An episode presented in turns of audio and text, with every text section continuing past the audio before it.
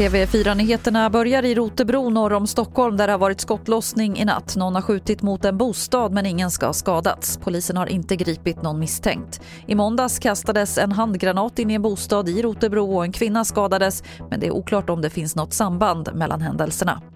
Efter Kalla faktas granskning av den svenska incelrörelsen så vill jämställdhetsminister Märta Stenevi nu titta på om det till exempel borde införas olika krav på de som står bakom incelplattformar på internet och på de som skapar konton där.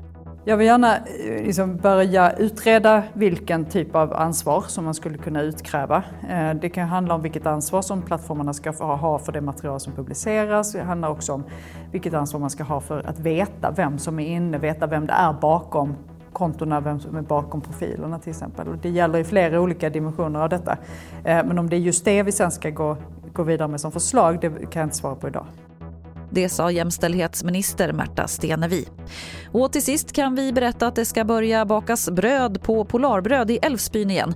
De räknar med att komma igång i ett nytt bageri nu i höst. 42 personer anställs och det är bara återanställningar. Alltså personer som jobbade i det förra bageriet som brann ner i augusti förra året när degrester började brinna. Fler nyheter hittar du på tv4.se. Jag heter Lotta Wall.